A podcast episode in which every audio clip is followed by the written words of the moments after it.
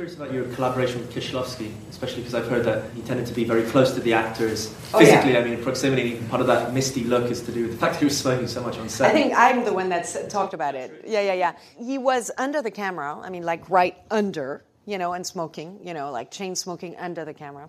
Something I've never seen with anyone else on earth. And then he would like, if it was a close up, I mean, he would be under the camera, so you'd have his head, and he was very funny looking. I mean, to me, he was very funny with the, those big glasses. He had weird, big blue eyes, this big nose and he would uh, give you signs during. I mean, I remember I had to do a scene where I was having an orgasm, and he was very, like, uh, very precise about the level of orgasms and everything. So he was very like, like very, very, very precise about everything. So he was like, after he would like look at his watch. After ten seconds, I had to moan a little louder. Okay. After another 10 seconds, I had to moan one step louder. And then I had to scream like crazy because he wanted my character to be like really, really I, extroverted. I don't know. I, I don't scream like that in real life. But anyway, um, so he was very. He wanted the character to scream, but scream like a like a maniac. So then he was like like this under the camera and I would scream. It was really sometimes a bit hard to uh, be in the scene because he was like so present. At the same time, it was very reassuring, you know, because he was like so intensely looking at you. So it was pretty amazing in that sense. You felt like, oh my God, I'm the most important person, uh, you know, for him right now and stuff. But it was sometimes distracting with the, the direction, you know, like like, like, like, like a conductor.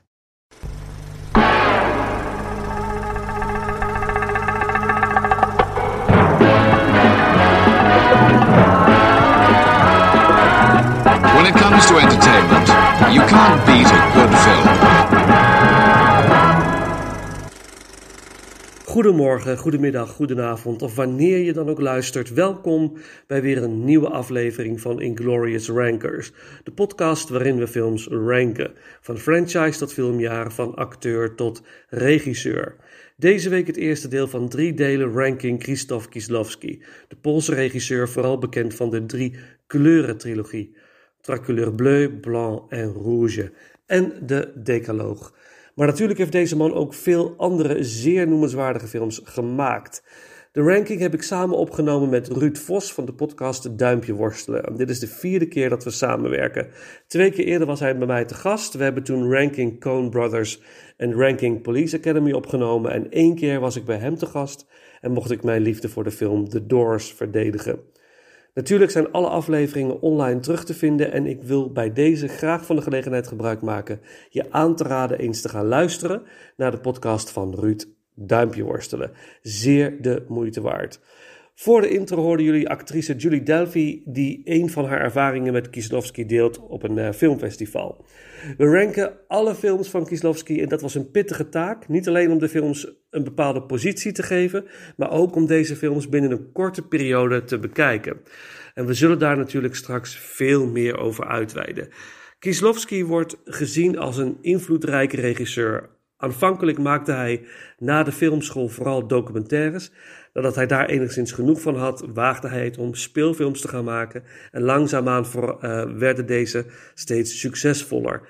En wist Kieslowski een aantal ware meesterwerken af te leveren. Kieslowski uh, overleed in 1996 sorry, op 55-jarige leeftijd. Kieslowski was, behalve wanneer hij doseerde over zijn filmvak, uh, klaarblijkelijk een man van weinig woorden. Een blik, een hand, dat was bij deze man genoeg.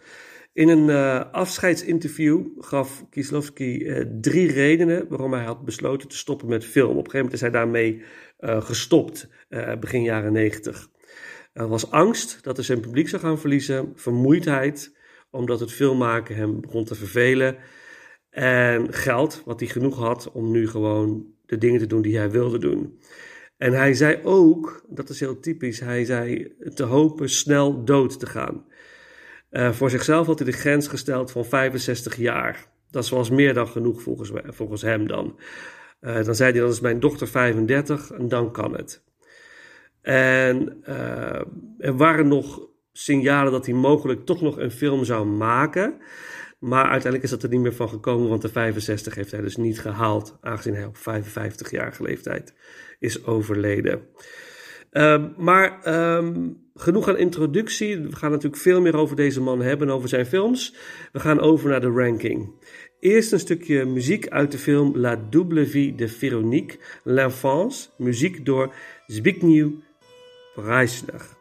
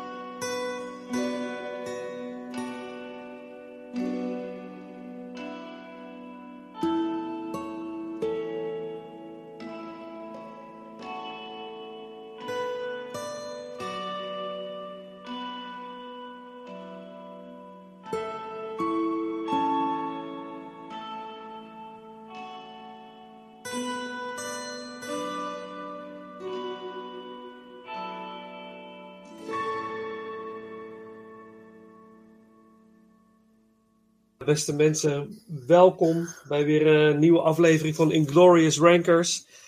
En uh, ik ga deze aflevering opnemen met eigenlijk een soort van mede-Inglorious Ranker.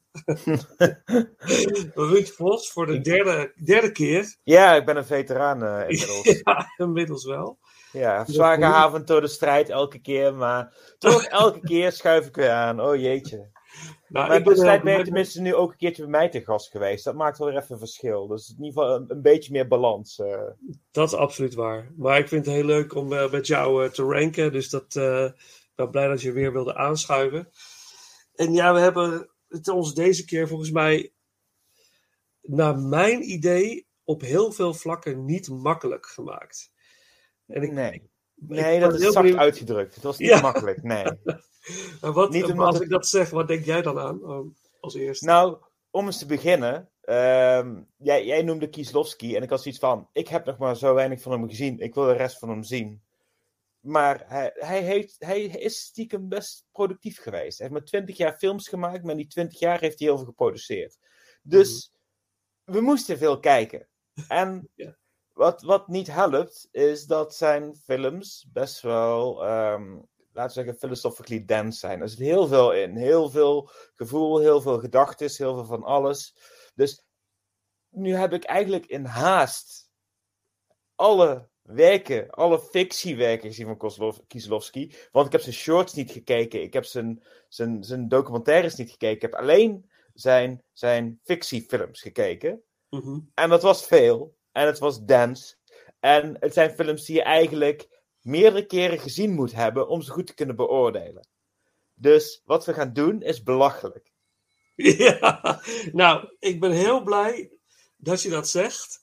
Want dat gevoel had ik de afgelopen paar weken dus ook heel sterk. Ik dacht van, wat ben ik aan het doen? ik zit, dit, dit is too much. Dit is too much om, om, om sowieso om, om te verwerken. Ja. Eh, de films zijn inderdaad hebben meerdere lagen. Het gaat best wel diep.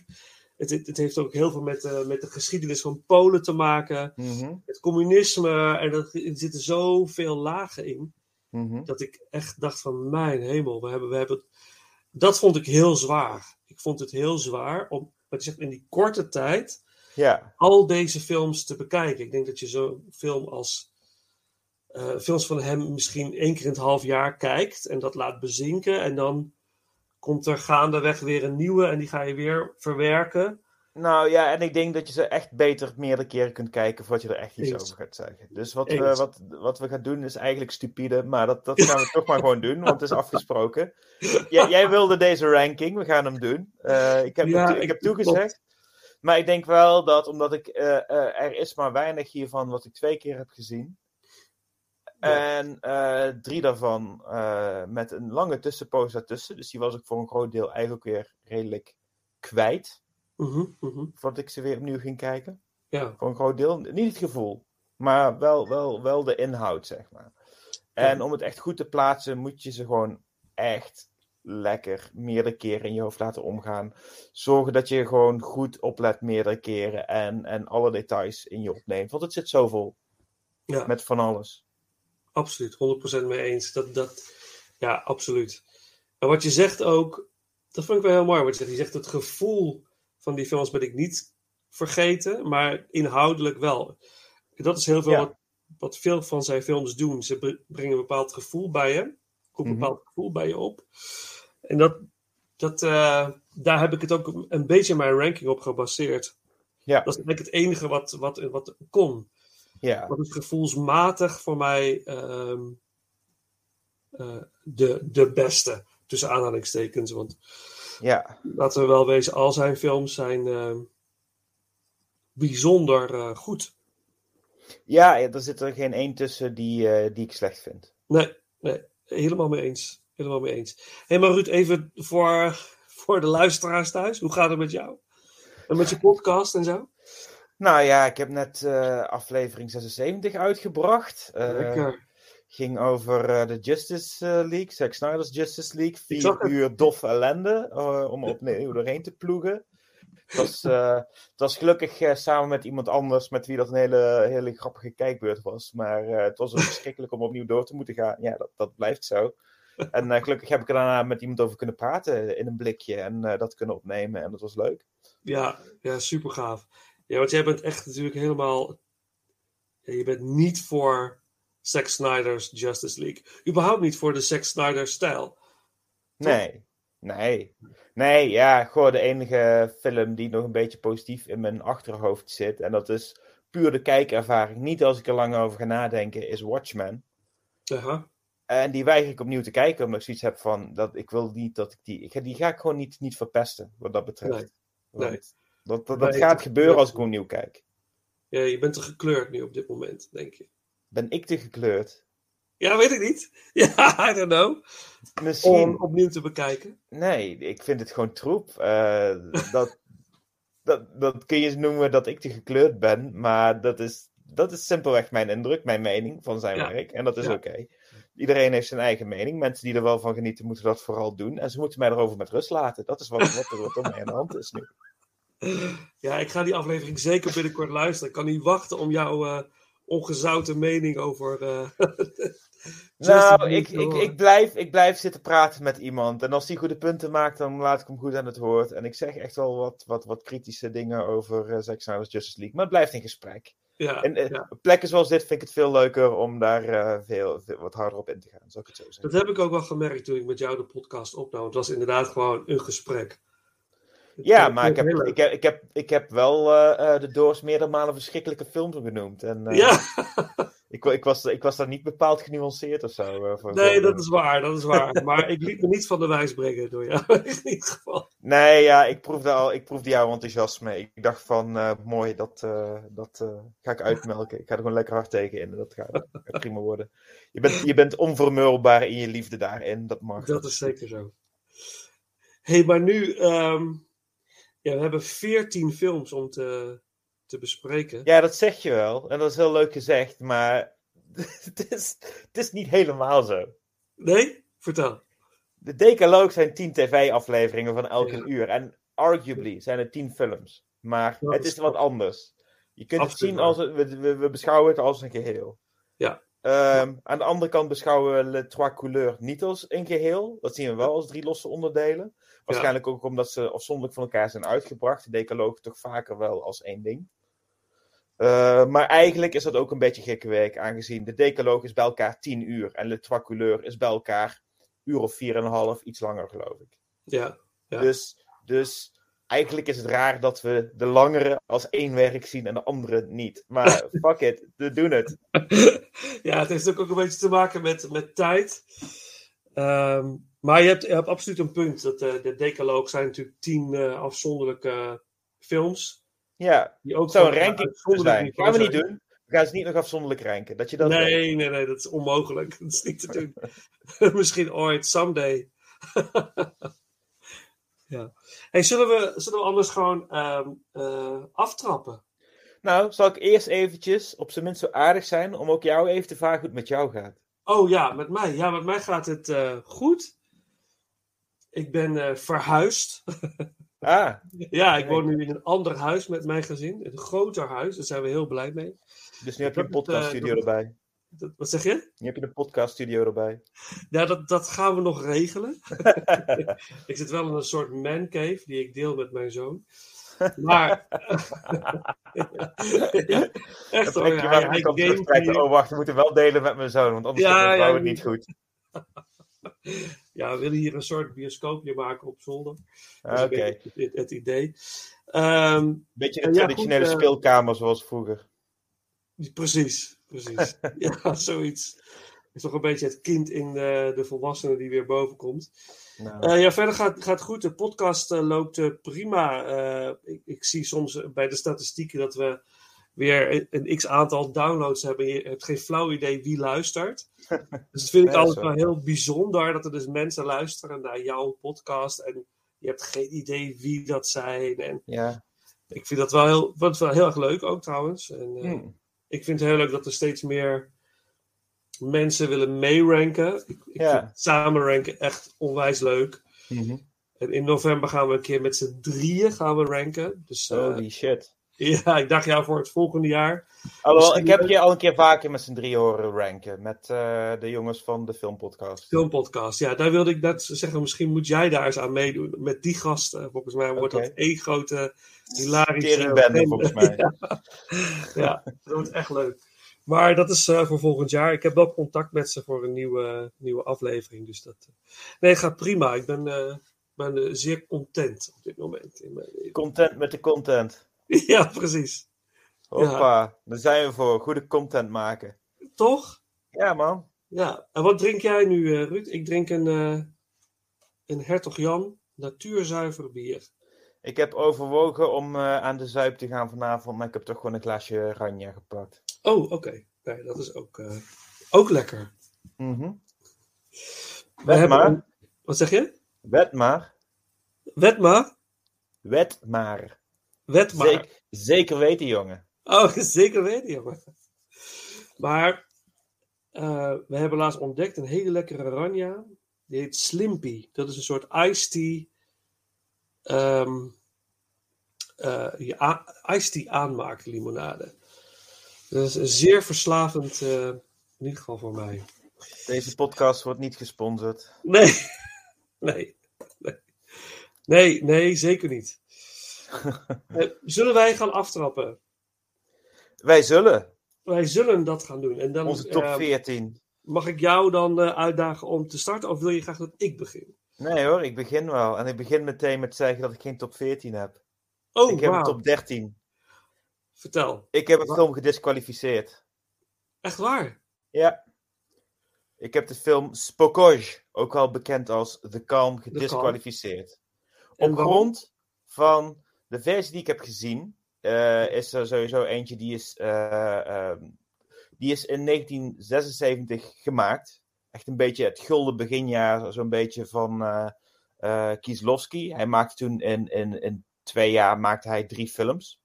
Mhm. En The Calm heeft hij toen gemaakt, echt als een bioscoopfilm. Die is op filmfestivals eh, vertoond. Heeft ook wat gewonnen. Mhm. Maar eh, vervolgens werd hij in Polen niet uitgebracht. Hij heeft op plank gelegen, een paar jaar lang, voordat hij eindelijk op tv werd vertoond, in een verknipte versie. Er zijn dingen uitgeknipt. Ja. En dat is de versie die ik heb gezien. Dat is de enige versie die je misschien kunt vinden en kunt zien. En ik vond, ik vond het een... Wat ik heb gezien daarvan, vond ik prachtig. Maar toen ik leerde dat dat ermee eh, het geval was, had ik ook zoiets van, ja, nee, weg. Dat, die, dat, die wil ik, die, die, ik vind het niet eerlijk om die op mijn lijst te hebben. Interessant. Interessant. Ja, ik heb, ik heb hem ook vrij hoog in de ranking staan. Maar dat is ook typisch, want dat is ook een heel veel terugkerend thema in, die, in de films van Kieslowski. Het censuur, Ja. het niet mogen eh, uitdrukken wat je eigenlijk wil uitdrukken natuurlijk. Er zijn meerdere films die zijn lang op de plank eh, blijven liggen. En eh, de, het meeste wat ervan te zien is, is uiteindelijk weer in ere hersteld. Voor zover hij dan überhaupt al censuur moest omzeilen, daar niet van. Ja, Eén film is bijna geheel hersteld. Die versie hebben we, die hebben we kunnen zien. Heb ik in Mhm. ieder geval wel gezien. Eh, daarover straks meer. Maar eh The Calm was dat niet het geval bij. En waarschijnlijk is die versie ook gewoon verloren. En Ja. dat, is, dat is jammer. Ehm, eh, dit is ehm, zijn eerste film waarin eh Jerzy Stoor een hoofdrol speelt. En het is een prachtrol die hij daarin neerzet. Ik vond het ook echt een hele sterke film van wat er wel in te zien is. En ik, Ja, zou, ik zou hem eigenlijk eh, helemaal niet zoveel slechter eh, rekenen dan eh, een andere film, ook met Jerzy Stoer in de hoofdrol. mhm. Waar ik straks meer over ga zeggen, eh Amateur. Maar ehm, Ja. nu, nu heb ik hem toch van de lijst gehaald, om deze Ja. reden. Ja, ik vond. ja, wat ik heb gezien vond ik wel indrukwekkend. Mhm. Van de Kalm. Vooral de laatste tien minuten vond ik heel erg. wat vaak bij Kieslowski gebeurt ook. Dat je in een soort van shocktoestand soms eh, achterblijft. Van mijn god, wat een. Ja, that's, that's life of zo. Een soort van. Ja. eh, dit is wat mensen kunnen, elkaar kunnen aandoen. Ja, zeker. eh, op, op het gebied van wat jouw idee is over iets, of dat ze een aanname doen over wie jij bent. Dat komt heel erg naar voren natuurlijk in de kalm aan het einde. Ja. Eh, men doet een aanname eh, over iets en ze hebben geen idee wat, hij daadwerkelijk, wat de hoofdpersoon daadwerkelijk eh, wil doen. ja. Eh, ja, interessant. Ja, ehm, je hebt wel een nummer 14. ik heb wel, zal ik daar dan maar mee starten? Ja? Ja, dan begin ik gewoon met mijn nummer 14. En dat is, eh, dat is een film waar ik het meeste moeite mee had om doorheen te komen. Mhm. En dat zijn er meerdere geweest, moet ik eerlijk zeggen. Om, omdat je inderdaad, wat we net zeiden, in een, in een korte periode heel veel van die films ziet. Wordt het op een gegeven moment heel zwaar, Mhm. ik zeggen, om er naar te kijken. En straks als we bij de top 5 zitten, mijn persoonlijke top 5, zitten er ook een aantal. In ieder geval, het nummer 5 is, was voor mij echt een, een, een, een opgave om uit te zitten. Maar toch achteraf dat ik dacht, mijn god, wat is dit nummer 5. Ja. waanzinnig goed. Maar goed, daar komen we straks op. Maar ja, ze hebben een enorme dichtheid. Dat is het. Ja. Dat is, ja. Ja, absoluut. Nou, een Short Working Day heb ik op nummer 14 staan. Mhm. Eh, dat is eigenlijk ja, een- Short Working Day, een vrij korte film ook. Volgens mij duurt die een uur en 15 minuten of zo, misschien zelfs nog wat korter. Ja, Het zoiets. is eigenlijk zijn laatste feature film eigenlijk, hè? Want, Nou, nee. Nou, Rouge. Welke is dan? Het het, is, het is ja en nee. Als je kijkt in volgorde waarin ze zijn uitgekomen, dan ja. Dan ja, ja. Dan, hij is in 1995 pas eh, vertoond. Ja. Krotki Zien Praci. Ja. Maar ehm, hij is in 1981 al gemaakt. Ja, true. Of 85, dacht ik. Eén van de twee. Ja. Ik dacht 81. En zo ziet hij er ook uit. al die tijd heeft hij op de plank gelegen, omdat hij gaat over een staking. En dat Ja. mocht niet in, in, in communistisch Polen. Geen films over stakingen. Nee. En achteraf gezien eh, heeft uh, Kieslowski hem ook achtergehouden, omdat hij zoiets had van: ik, eh, voor mij hoeft hij niet eh, te worden vertoond. Nee. Was steeds minder had hij de behoefte om hem te vertonen. En eh, toen hij, eh, volgens mij ongeveer toen hij doodging, toen eh, hebben ze hem alsnog uitgebracht als Ja. de verloren Kieslowski. Het is wel een, in zekere zin een indrukwekkende film. Mhm. Het gaat over de protesten in 1976 Ja, tegen de, de Poolse overheid, regering eigenlijk. Ja. En wordt ook gezien in de geschiedenis als een van de meest gewelddadige protesten ooit. En eigenlijk in Polen of in het algemeen. in Polen denk ik, ja. Eh, Ja, denk niet over het algemeen, nee. Ehm, Ehm, het is een beetje, het is een politieke thriller eigenlijk, soort van. En, Ja. en het, is, het, het speelt zich heel veel op één locatie af. Wat, Ja, vlak buiten een eh, gemeentehuis. ja, ja, wat op zich wel interessant is om te zien wat daar aan dynamiek gebeurt Mhm. binnen, de, binnen die muren. Maar je ziet alles vanuit het eh, standpunt van eh, de secretaris van de Communistische Partij eh, daar Ja. in, in, in Ja. dat, dat stadje. Ja, ja, precies. En je ziet zijn afwegingen, wat een inter- iets interessants oplevert. Ja, ja. En ehm, eh, het is. ehm, ik kwam er moeilijk doorheen, omdat ik misschien omdat ik al heel veel van dit soort films had, heb, had gezien van hem op dat Ja. moment. Dat ik dacht van, nou oké, dit is de zoveelste en ik, trok het niet zo heel goed. Persoonlijk. Van oké, let's get it over with, had ik. Dat is, dat is eigenlijk een verkeerde gedachte, want wat je Mhm. net zegt, eigenlijk moet je zo'n film de tijd gunnen. Je moet het Ja. kunnen bezinken en je moet erover na kunnen denken. En dat heb ik denk ik bij deze film Ja. weinig eh, gedaan. Ja, ik denk dat ik een beetje het gevoel heb bij mijn nummer 13 dadelijk. Maar dat, daar ga ik zo eh, snel genoeg op in, denk ik. Ja, ja, ik ben heel benieuwd. Ja, het is, het, op zich is het wel een. Je kunt hem op YouTube kijken in zijn geheel. Ja. Eh, dus ik, ik raad wel iedereen aan om, om, om hem te gaan kijken. Het is wel een film als filmliefhebber die je wel, denk ik, wel gezien eh, moet hebben. Het is, het is als je. Ik denk als, als ik er helemaal voor open had gestaan op dat moment, dat die, dat die film heel spannend zou zijn geweest. Mhm. In In de zin van dat je de, de, de, de spanning voelt binnen die muren van dat, van dat gemeentehuis. Je, je, ze verliezen Ja. de controle. Ja, het is echt, eh, ze denken van, oh, die zaak komt aan, oh, dat, dat, dat, dat proberen we wel te fixen. En hij doet toezeggingen. En in de tussentijd heeft hij nog steeds die druk van de grotere communistische partij. En aan de andere kant heeft hij de druk van die werkers die wat van, van hem willen. Precies, precies. En dat, dat loopt echt heel erg op.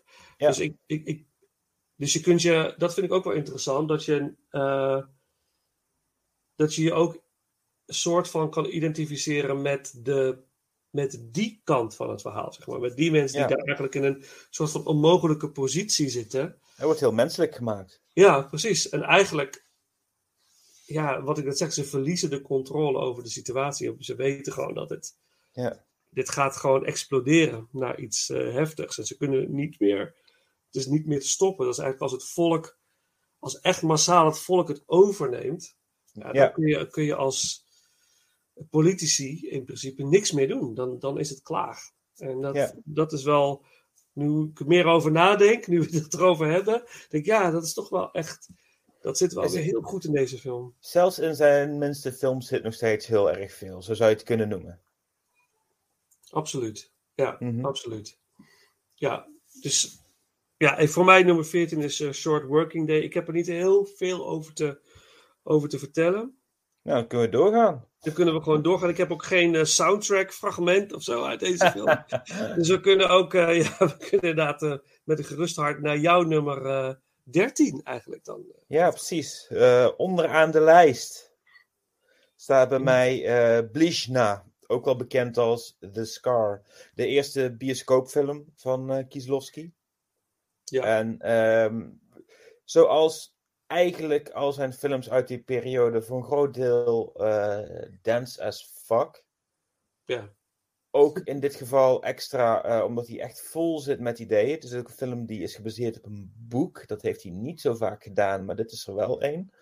Ehm, die hij maakte na zijn debuutfilm.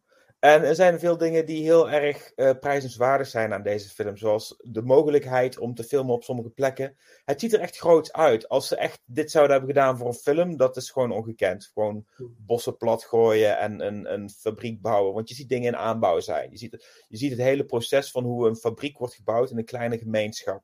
Ja. Waarschijnlijk is dat gewoon geluk. Dat ze een plek hebben kunnen vinden waar het sowieso gebeurde, dat ze het daar hebben kunnen filmen. En het is aan elkaar geregen op een manier die overtuigend is. En dat is heel erg knap gedaan. En aan de andere kant, je volgt die directeur en de ploeg waarmee hij zit. En op een of andere manier is het, eh, het, het voelt nog, niet- hij heeft het niet helemaal de mogelijkheid daar om heel erg verhaal aan te brengen in van Mhm. alles. Het is nog, nog niet zo gefocust. En alles wat hij in deze film doet, moet hij doen. Om te kunnen doen wat hij later doet. Want alles wat hij doet is al heel erg intuïtief. Heel erg op gevoel. En ik probeer dit over te brengen. Alleen hij is hier gewoon nog niet zo goed. Hij weet nog niet in gecompliceerde beelden alles te vangen wat hij wil. Dus hij, hij, moet, hij heeft meer tijd nodig om te overbruggen wat hij moet overbruggen. En daardoor heeft het voor mijn gevoel ook nog wat minder diepgang dan wat hij later doet. Maar het toont wel zijn talent. Ja, ja. Ja, ja, mooi, wa- mooi wat je zegt. Ik, ik heb eh Blizna, Blizna veel hoger staan in mijn ranking. Oké. Ehm, maar daar zullen we straks, eh, zal ik straks meer over uitweiden. Ehm, ik vond, eh, even heel kort, ik vond het echt een hele, ik, onverwacht in de hele reeks die ik was, aan het kijken was, was ik echt onder de indruk van deze film. Gewoon ook Mhm. puur het, ehm, hij komt ook uit een documentaire Ja. wereld. Ja. En hij maakt deze eerste feature film en het voelt, naar mijn idee, als een documentaire. Alsof je Ja, maar de, ja. Ja, maar de schaal is ook meteen heel erg groot. Hij pakt Ja. meteen heel erg uit. True. En aan de ene kant vind ik dat knap en goed, echt wel stevig hoe hij dat eh, allemaal neerzet. ja. Eh, het is ook een, een enorm verschil met zijn allereerste film die alleen op tv is uitgezonden, Personeel. Ja. Wat een veel kleinschaliger eh, verhaaltje is, maar Ja. toch op een of andere manier de, de, de hoofdpersoon die pakte mij niet. Eh, is ook de eerste keer dat hij samenwerkt met Jerzy Stoer, iemand die veel in zijn films blijft Ja. zitten de rest van zijn werktijd. Ik vind het daarom ook een beetje jammer dat ik eigenlijk nu al twee films met Stoer die ik steen goed vind in al zijn films. Ja. Die hier eigenlijk als enige keer echt een beetje een gladde, gladjakker speelt. Ja. Maar wel op een interessante manier. Ik vind het jammer dat ik twee van zijn films zo laag eh, nu, eh, nu, nu neerzet. Maar het is is niet zo. Nee, ja, het is zo. Ja, Waar gehakt wordt vallen Spaanders. zo is het, zo is het. Maar ik, ik, had er een, ik had er een ander gevoel bij. Ik zal het straks ook wat meer, eh, meer toelichten. Ehm, maar ik begrijp wel, ik begrijp jouw visie wel daarin. Maar Hm. Voor mij, ik kon me heel, ik kon, ik, ja, ik leefde heel erg mee met de directeur. Hm. Het, het, het greep mij vanaf het begin. Dat had ik Ja. totaal niet zien aankomen. Ik dacht van, dit wordt, dit wordt echt even, hier moet ik echt even doorheen beuken. Ja. En eh, nou ja, het was meteen. eh, Hij wordt nogal neergezet als een man die weinig op heeft met andere mensen. Kon je je daarin identificeren? nee, nee, maar ik, ik, zo wordt hij opgezet. Maar het is in die end helemaal niet zo. Hij, Voor een groot deel niet. Maar nee, hij, hij, hij bevindt zich gewoon op, in een positie. En hij wordt verschrikkelijk beïnvloed door allerlei factoren. Maar hij wil eigenlijk het beste voor iedereen. ja, maar dat is ideologie. Dat, hij kan geen connecties maken met zijn... Nee, eh, dat dat is true. met Ook met zijn eigen vrouw niet en zo, dat, Nee. dat zie je. Maar wat ik heel mooi vind aan die film uiteindelijk, in, eh, tijdens de aftiteling, dat hij de rust en de kalmte vindt om met zijn kleinkind Ja. echt oprecht als opa en kleinkind bezig te zijn. Het- hij maakt wel een ontwikkeling door in de film die leidt naar dat moment, dat hij dat kan loslaten. Ja, hij kan dat loslaten. Ja, oké. Ik zou, ik, zou, eh, ik zou het zien als een kleine omslag op het einde. En niet per se als het einde van een ontwikkeling dat hij dan met zijn kleinkind zit. Maar wel oh, een payoff, wel een payoff al- als, als gevolg van wat hem wel overkomt in de film. Ja, maar ik, ik denk ook dat wat, wat je.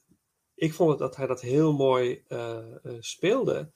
Hm. Is dat hij continu wordt geconfronteerd met zichzelf, met zijn eigen handelen. En, en, eh, Is En voor een die- groot deel waar, maar bijvoorbeeld zoiets als wat, wat je net aanduidt, dat, dat, dat, dat op het einde, dat voelde voor mij toch als iets wat heel erg, dat de film abrupt eindigt en dat dat als een slotgedachte nog eraan zit.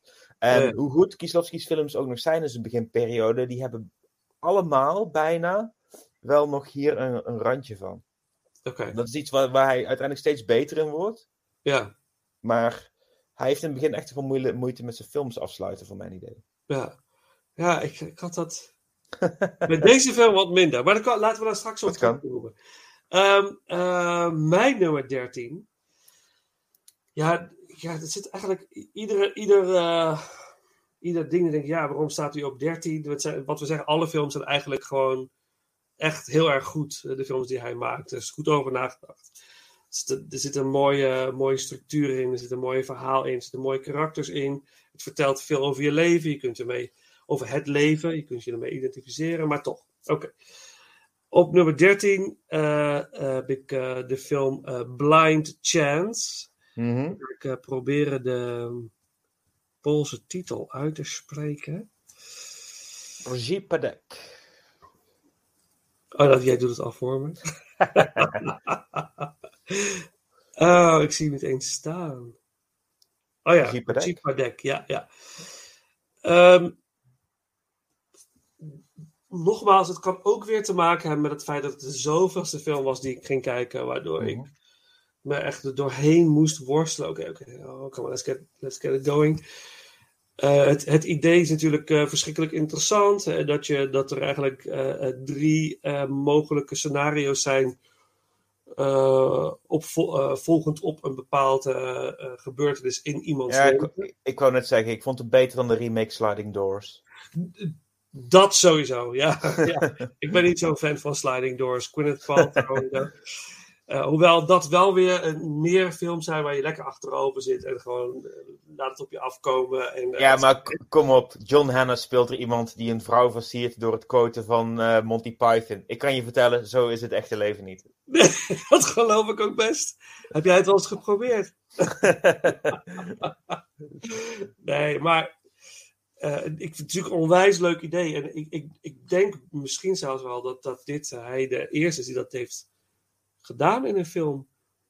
Eh, dat er mogelijkerwijs eh, echt drie scenario's vanuit hetzelfde event. eh, Ja, dat, als Ja. drie verschillende tijdlijnen, drie verschillende universums zo bij zo spreken. Eh, Ja. Hij heeft eh, What If uitgevonden van Marvel. Dat is Ja. eh, fantastisch voor hem.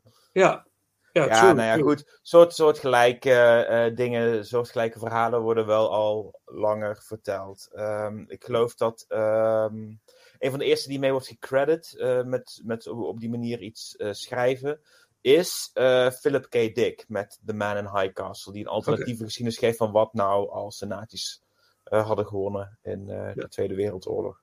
Ja.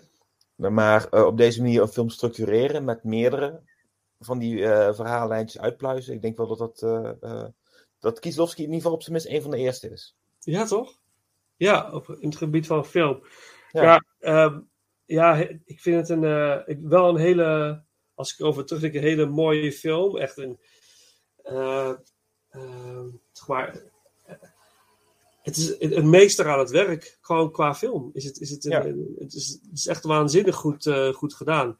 En dat is ook eigenlijk iets waarmee je weer kunt, kunt refereren. Van, ja, je, je kunt je eraan verbinden van wat nou inderdaad als ik in mijn leven een andere keuze had gemaakt. Wat was dan het scenario geweest? Dat zijn ze- Ja. de gedachten die bij, je, bij jezelf gaan opkomen. En zo is het ook in het leven. Je kunt linksaf, je kunt Ja. rechtsaf. En het, Maar het is ook de, de laatste film die hij in zijn eentje heeft geschreven. Dus hij heeft misschien ook bij zijn eigen keuze stilgestaan. En eh, daar heeft ook Ja. veranderingen gemaakt. interessant. Ja, ja. En het is ook nog best wel. ehm, het is best wel een, een, een leuke film om naar te kijken. Het is niet alleen maar heel erg eh, zwaar, op de, waar- zwaar op je schouders. Het is ook een hele af en toe wat luchtig, eh, een Ja. luchtige film om naar te kijken. En dat vond ik ook wel, eh, wel een, een, een verademing op een gegeven moment. Ik, Oh ja, het is niet alleen maar het, het, het, hele, zware, het hele zware werk. Nee. Dus Nee, Ja. ja, hij heeft een manier gevonden om een, om een verhaal echt alle kanten op te kunnen laten gaan. En laat dat doen. En, en volgt het na. En het, de drie situaties waar de hoofdpersoon in terechtkomt zijn ook echt volslagen verschillend van elkaar. Dat maakt het alleen maar Ja. interessanter. Ja. En interessant is eigenlijk, als ik me goed herinner, is dat je eigenlijk, wat het scenario ook is, hij wordt niet echt gelukkig van ieder scenario. Nee, zou je kunnen zeggen. Ja. Dus de, uit, de daadwerkelijke uitkomst van wat de keuze die hij maakt, Mhm. is niet per se de keuze die hem een gelukkige mens maakt. Ja, we in principe zien we gewoon drie verschillende mogelijkheden van wat er gebeurt. Het is eh, ehm, eigenlijk eh, het einde van Wayne's World, maar dan als, als een volledige film. Ja. ja. Wat vond jij ervan? Ja, ik, ik kom er straks wel op terug. Ja, Het is niet mijn nummer 12, zal ik het zo zeggen. Oké, oké, interesting, interesting. Maar van Blind Chance heb ik wel een, eh, een stukje filmmuziek. Oké. Dan moet ik ook wel zeggen dat ehm, hij heeft heel veel natuurlijk samengewerkt met, eh, ik ga hem uh, proberen uit, Zb- Zbigniew Preisner. Dat is zeg maar een Zbigniew. Zbigniew Preisner. Ja. Dus een componist waar hij heel veel mee heeft samengewerkt. En echt, we komen er straks nog op, prachtige composities heeft gemaakt. Mhm. En, maar deze film heeft hij als componist eh Wojciech. Ja. En, maar dit is ook een heel bijzonder, een mooi stukje muziek. Dus echt maar het, centra het thema uit de Blind Chance. Laten we daar even naar luisteren. En dan gaan we naar jouw nummer 12.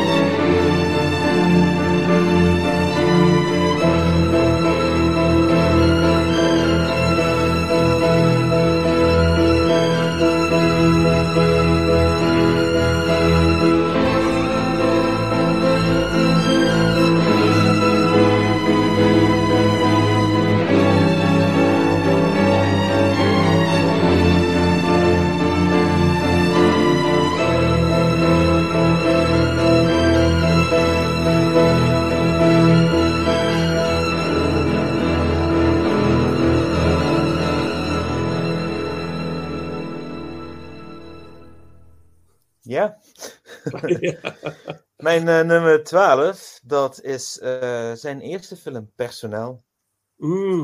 En op, een, op, op veel manieren is het eh, een heel persoonlijke film voor hem. Omdat het is gebaseerd op wat hij zelf heeft gedaan. Voordat hij films ging maken, voordat hij naar de, naar de filmacademie ging, überhaupt. ja. En daar met mensen als André Vajda en Polanski op die school terecht kwam. Maar ehm, hij, die had ook op die school gezeten. Volgens mij Polanski al eerder. Weet niet 100% zeker. Maakt niet uit. Anyway, hij, het gaat over eh, een jongen die eh, eerst op de toneel, eh, in ieder geval, in ieder geval ergens op een opleiding zit om, om, thea- om decors te bouwen. Maar op een gegeven moment er vanaf wordt getrapt. Niet, niet zozeer vanwege wat hij heeft gedaan of zo, maar gewoon omdat er niet genoeg geld was. Misschien is die school zelfs opgedoekt, zoiets wordt gezegd. En eh, hij eh, gaat werken voor een theater. Dat, dat, dat is eigenlijk gewoon het startpunt van de film. Hij gaat werken voor een theatergezelschap, gaat decors bouwen. En kom daar ook weer in iets van uh, vakbondsintriges en, en onderlinge uh, oneenigheid. Het is eigenlijk ook wel een klein beetje een microcosmos voor, voor Polen als geheel. Misschien uh, wat er daar gebeurt. Met duidelijk een soort van standenmaatschappij binnen een theater. Van de creatievelingen die bovenaan staan en de mensen die het mogelijk maken die eronder staan. Als een soort van arbeidersklasse. Ja. Um, maar het is ook echt wel de film waar, waar Kieslowski gewoon nog het minste weet wat hij doet. Maar toch op een of andere manier vind ik hem interessanter dan, dan Blizna.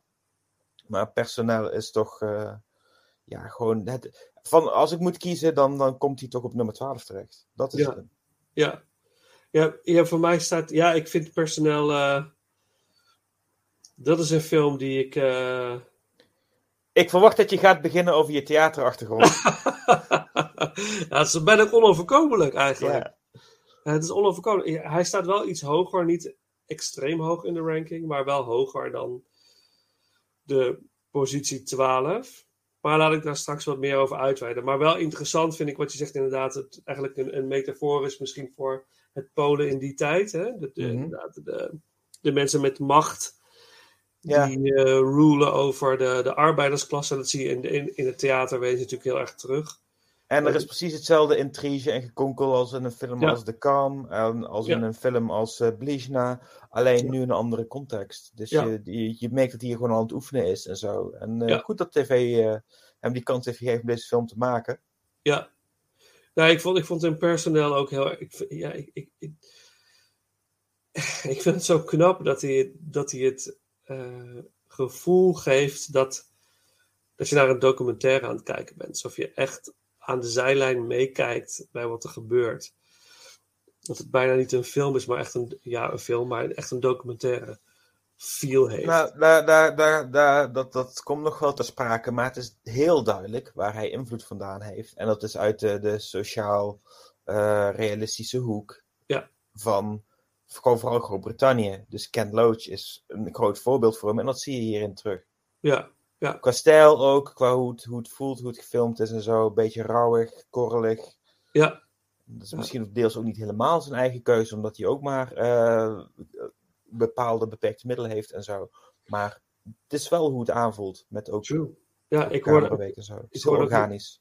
een interview met. ehm ik hoor ze- de, naam ben ik even kwijt. Eh, hoe heet ze nou? De dame die in Tracouleur Blanc eh, speelt, de dame. Blanc, dat is eh, Julie Delpy. Ja, Julie Delpy. Die had een mooi interview, zag ik. eh, ik zal daar ook de, een van de afleveringen mee starten. Oké. Eh, die heel mooi vertelt dat Kieslowski bij de opnames inderdaad eigenlijk heel veel repeteerde, heel Mhm. veel eh, rehearsals deed en dan vervolgens in één take de scène wilde opnemen. En dat had gewoon te maken met het feit dat er altijd in het verleden te weinig geld was om meerdere takes op te nemen. Het moest gewoon meteen Ja. eh, erop staan. En that's it. En dan, dan door. Want er was gewoon geen subsidie of geen geld om, om eh, meer tijd te besteden aan het maken van de film. Nee, oké, maar wel veel, veel repetitie vooraf. Het is niet de Clint Eastwood eh, variant van, ja, dus wel goed, we gaan lunchen. is dat zo? Ja, is dat, de is dat de Ja, voor jou? Ja. Nice. Eh, nee, nee, echt heel veel rehearsals vooraf, inderdaad. En heel erg op de details, wat ik ook begreep. Hm. Dat zie je denk ik ook wel terug in zo'n filmpersoneel. Want volgens mij is het heel erg in, in de... Het is zo gedetailleerd. ehm, het voelt Nou, zo echt. Er zit wel veel finesse in. En het, die film wordt bijna wel op zijn interessant als hij van die eh, shots heeft van het publiek. Dat hij tussen verschillende mensen aan het eh, Ja. gaan is en zo. Want dan zie je heel veel verschillende kleine nuances daarin terug. Ja. Je merkt dat hij daar, eh, zeker in zijn beginperiode, is hij daar echt wel dol op om die techniek in te, te gebruiken. En dat begint in deze film. Ja, ik vind dat, ik vind dat heel fascinerend. Hm. Het boeit me heel erg. Maar oké, personeel, ik heb, daar is geen eh, filmmuziekfragment van. Ehm, oké, dan gaan we naar eh, mijn nummer 12. Ja, Ja, ik ben benieuwd. ja, daar heb ik toch eh, eh, Spokoj. Spokoj. Spokoj. Ja, Ja. ik weet het weer perfect uitspreken. Ik, Ik, Ik ik, ook maar wat hoor. Ik heb, eh, ik, ik heb alleen maar eh, eh, meer dan eh 30 uur aan Pools geluisterd. Ja. Dat is ook maar giswerk verder. Maar, ja.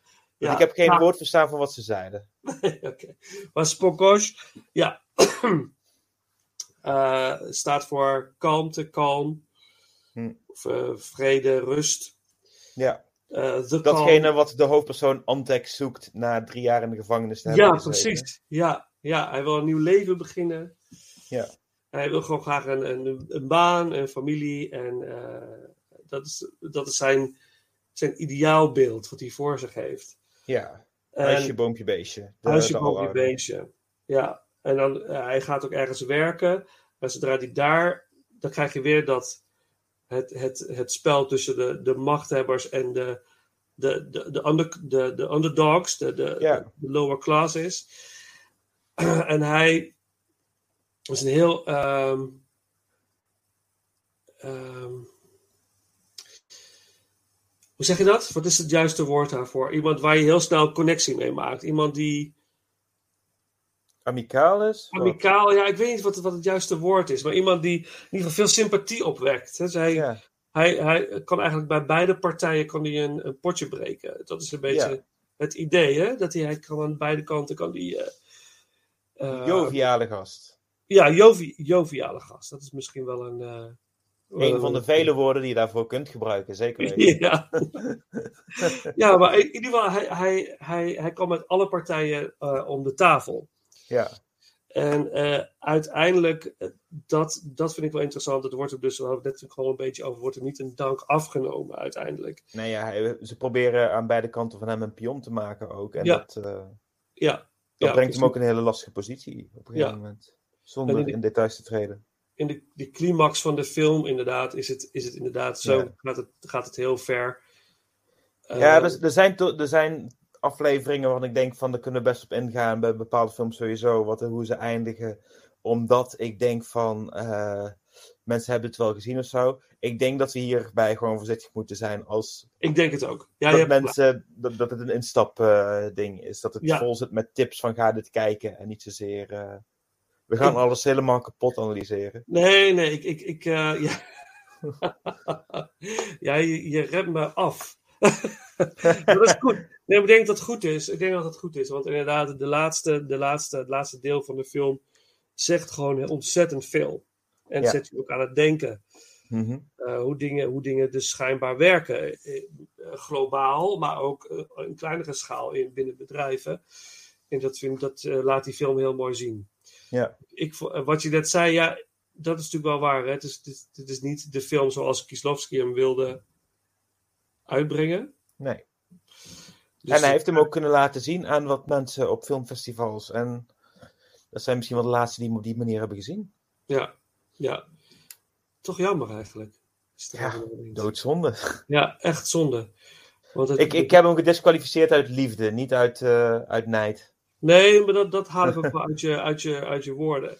En eh, ja, nee, misschien moeten we het hier maar ook dan maar gewoon bij houden. Eh, want anders gaan we te veel verraden. Dat is ook altijd lastig bij Kieslowski's films. Je, je vertelt al snel te veel over. Nou, dat vraag ik me af. Want ik denk zeker eh, op een gegeven moment dan zit hij echt wat op een eh, niveau. Dat ik denk van je kunt er niks meer van verraden. Omdat verhaal op een gegeven moment misschien ook op zijn minst het minst belangrijke is van wat je aan het kijken bent. Hmm, En dat je altijd gewoon het gevoel in kunt gaan. En, eh, maar goed, ook weer zoiets van toekomstmuziek binnen deze aflevering. Ja, ik denk dat we dat, eh, in ieder geval bij mij persoonlijke nummer 1, dat wel een feit is, wat je nu Mhm. zegt. Ja. Ja. ja. Maar daar komen we straks op. Maar inderdaad, ehm, het is eigenlijk, in deze film is het de man die het allemaal goed bedoelt. Simpele man die een simpele manier van denken heeft, straightforward, niet hoog opgeleid is, eh, het beste voor heeft met iedereen. En die Ja. wordt gebruikt, eigenlijk eh, wordt een pion, wat je zegt. Ja. En dat, dat is het tragische aan deze film, vind ik. Hm. Dat Het was de eerste van de, de vroegere Kieslowski's die ik zag. Mhm. Dus dat, dat is ook een extra reden voor mij dat het pijn deed eh, eh, om te zeggen van nee, weg ermee. Maar da- daar viel me al meteen op in hoe fijn dat hij het vindt om, om te filmen hoe dat er glazen gevuld worden met wodka. Ja. En de eerste helft van zijn oeuvre vooral zit daar vol mee. Het gaat niet helemaal weg. Het is ook in de tweede helft is nog steeds te vinden. Wordt een beetje vervangen door melk, maar, maar nog, steeds, nog steeds heel veel wodka. Ja, dat zie je in veel films trouwens, hè? dat de wodka wordt eh, Ja. geschonken. Ja. Eigenlijk hadden we dat nu ook moeten doen. Door eigenlijk een fles wodka. Ja, Oké, anyways, laten we het hierbij houden. De Calm staat, eh, staat bij mij op nummer 12. 12. En dan ehm, eh, zijn we heel benieuwd naar jouw nummer 11. 11, het gekke getal. Dus ik denk, ik ga voor een gekke film. Krotki Dien Prachi. Short Working Day. Aha! Oh, een stukje hoger. Stukje hoger, maar niet, niet opzienbarend veel hoger. Mhm. Hij is voor mij toch hier beland omdat ik me een beetje heb gestoord aan de vrij uitleggerige gebruik van voice-overs. Er zitten wel eens vaker voice-overs in Kieslowski's films. Meestal dient het een beter doel dan dat je, zoals hier, een lange scène ziet van de hoofdpersoon die door een kamer aan het lopen is en zijn gedachten hoort, waarin hij aan, aan het afwegen is van wat er al moet gebeuren. En op zich is dat niet, niet, niet per se slecht. Mhm. Maar het is wel veel en vaak gedaan. En misschien wat vaker dan het per se nodig is. Ook wel eens interessant om te horen hoe hij aan het denken is over de situatie. Ja, ja. Maar ze hadden, ook, ze hadden hem ook een hulpje kunnen geven tegen wie hij zijn, zijn, zijn manieren uitlegt. En ik denk dat dat mooier was geweest. True. Goeie. Neem niet weg dat het wel een, een film is die ik wel heel erg boeiend vond. En eh, voor een deel ook wel eentje waarin misschien zelfs voor mij ehm, alles wat met vakbonden en zo te maken heeft, het beste tot zijn recht komt voor een groot deel. Mhm.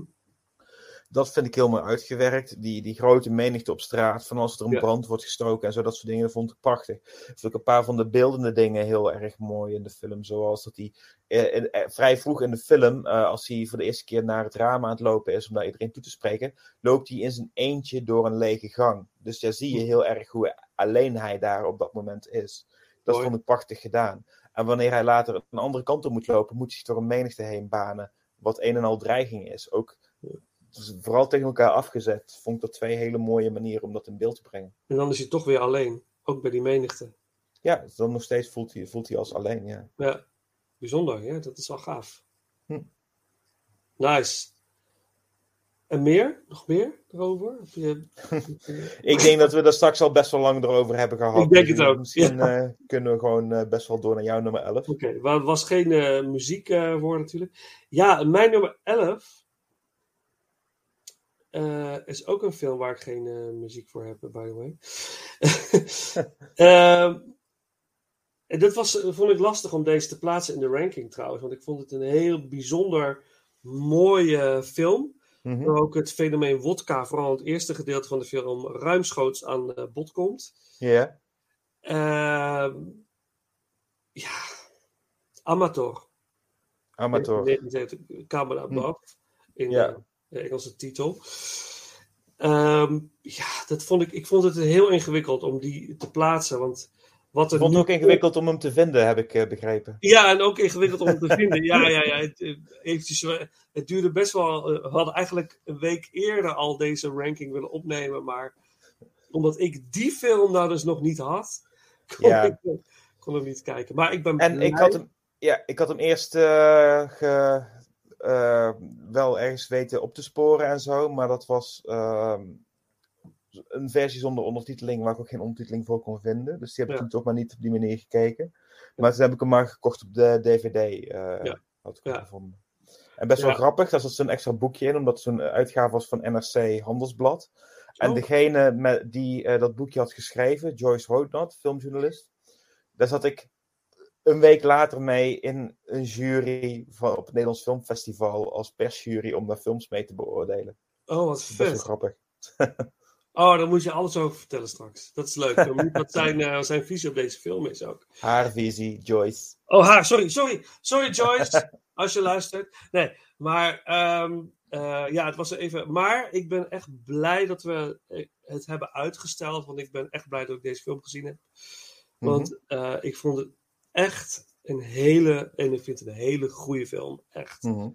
Ehm, het gaat over een man die een, een, eh, een 8 mm filmcamera eigenlijk aanschaft voor de geboorte van zijn eerste kindje. Dat wil hij vastleggen, dat wil hij filmen. Ja. En, en dat in het begin van de film gaat het ook voornamelijk daarover, hè, over de geboorte van dat kind. En dat hij daar heel zenuwachtig voor is. En eh, alle voorbereidingen daar naartoe. En hij is ook helemaal dronken als zijn vrouw aan het bevallen is. Hij drinkt meer en meer vodka. En uiteindelijk is het kind daar, is een en al gelukkig. Heel bijzonder, mooi om te zien ook. Mhm. Ehm, heel, ja, dat maakt, dat, dat maakt je gelijk je connectie met de hoofdpersoon. Je hebt gelijk liefde voor deze man. Vond ik Ja. heel mooi gedaan. En dan wordt Ja, eigenlijk... Jesse Stoer is een heel goede acteur en ook eentje eh, een, die een heel goed een archetype van Kieslowski weet neer te zetten. Ja, ik vond het zo mooi. Ik vond dat deze film zo mooi de balans weet te vinden tussen ook best wel, best wel zware dramatiek. Er gebeuren best Mhm. heftige dingen met hem gedurende de film, maar ook een bepaalde luchtigheid behoudt. Ja, En dat, dat vond ik heel mooi in deze film. Want hij wordt uiteindelijk wordt hij gevraagd door zijn eh, baas eh, op het, het bedrijf waar hij werkt om een bedrijfsfilm eh, te maken. Een soort, eh, ja, niet dat het het einde van de film is, maar gewoon dat is waar Nee. het allemaal naartoe werkt. En Precies, dat, eh, precies. Is Dat- wat vervolgens heel veel conflict gaat opleveren. Juist, juist. En hij is helemaal geobsedeerd door die camera. Hij, Mhm. hij vindt het echt fantastisch om films te maken. Dus je ziet ook Ja, dat hij daar eh, heel veel voldoening uit haalt. Ja. En eh, wat heel mooi is, is dat zijn vrouw eigenlijk vanaf het begin af aan al ziet dat hij eh, het verkeerde pad opgaat. Ze ziet al, iets klopt er niet. Je, je ziet al aan haar. En Hier kun je natuurlijk over discussiëren of dat zo is. Maar je ziet aan haar van. Nee, hij, ze heeft een instant dislike voor zijn nieuwe hobby. Ja. Ja, en dan kun je Ze- natuurlijk. ja. Dat heeft, ik heb erover nagedacht. Ik dacht ook van ja. eh, ik, heb, ik, heb, ik heb kinderen, vier, vier kinderen. En ik weet wat ook met een vrouw gebeurt na een zwangerschap. Weet je, Mhm. dat is het zogenaamde nazwangeren. Heel oneerbiedig gezegd, maar dat betekent dat, dat bepaalde ehm, hormonen nog niet volledig in balans zijn, zeg maar, zoals ze voorheen Mhm. waren. Dus of een vrouw wordt overgevoelig voor dingen, ziet, ziet gewoon wat er voelt intuïtief dat er iets niet klopt. ja. Of, of is gewoon het compleet uit balans en begrijpt niet wat, wat er precies gebeurt in de wereld op dat moment. En dat zag ik heel erg bij die vrouw, alsof ze heel erg in confused was. Eh, Hm. Het leek bijna een soort hormonaal. eh, sorry vrouw voor luisteren, het is niet oneerbiedig bedoeld. Ja, Juist niet. Eh, dat ik denk van, zij reageert zo heftig op het feit dat hij dat doet. ja. Dus ik dacht van, is het, is het een intuïtief iets wat ze al voelt? Van er gaat straks iets gebeuren waardoor ik hem hierdoor ga kwijtraken? Mhm. Of, of, of is dit is het een, een, een hormonale toestand na haar zwangerschap? Ik vond het heel, ik vond het een heel, eh, ja, ik weet, dat, dat bracht het bij mij naar boven heel erg. Want wat, Oké. gebeurt hier? wat gebeurt er met die vrouw? Het fascineerde me heel erg. En later zie je dus, hij glijdt steeds verder af. Mhm. En in deze film zie je ook heel erg dat hij te maken heeft met censuur. Hij mag eigenlijk niet filmen wat hij het liefst zou willen filmen. Wat hij het liefst Ja. wil laten zien, dat mag hij niet laten zien. Mhm. En dat, eh, ja, dat vond ik wel, eh, wel interessant aan, aan, dit, eh, aan deze film ook. Dat censuur is altijd en overal.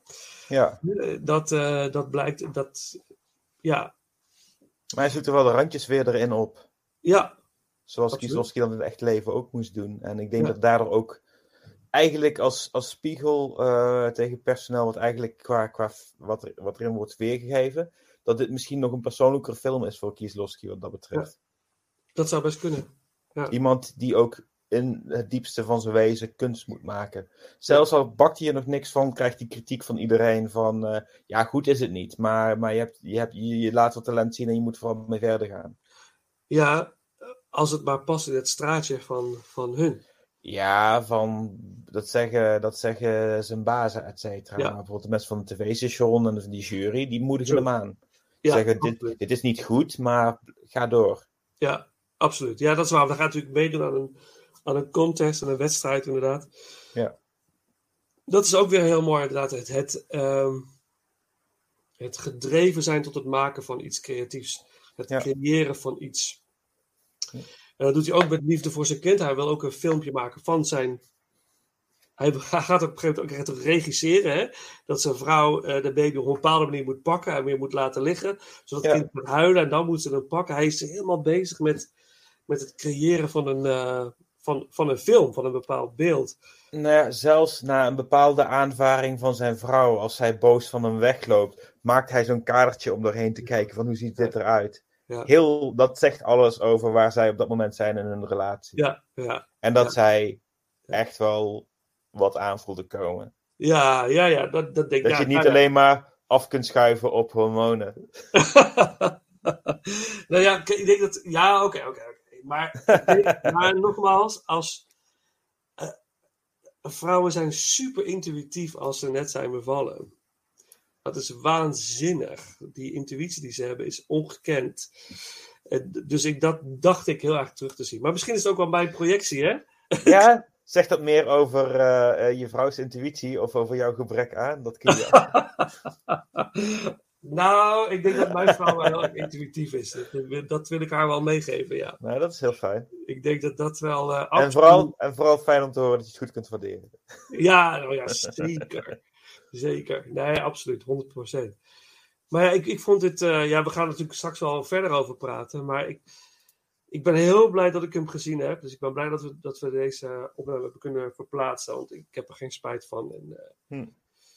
Ik ga hem ook zeker vaker kijken. Dit is uh, een van de weinige films van Kieslas die ik vaker ga kijken.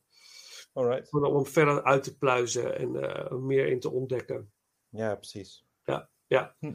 Maar geen filmmuziek uit de camera boven Amateur 1979. Helaas. Dus en dit brengt ons alweer aan het einde van deze aflevering van Inglorious Rankers. Volgende week deel 2 van de Kieslowski ranking in samenwerking met Ruud Vos van de podcast Duimpje Worstelen. Natuurlijk zijn we ook benieuwd naar jouw Kieslowski ranking en deel dat met ons via Instagram of Facebook. Deze aflevering sluiten we af met een stuk muziek uit de Decaloog. Uh, uit Decaloog 2. Muziek door Zbigniew Preisner. Uh, beste mensen, Bedankt voor het luisteren en tot de volgende ronde.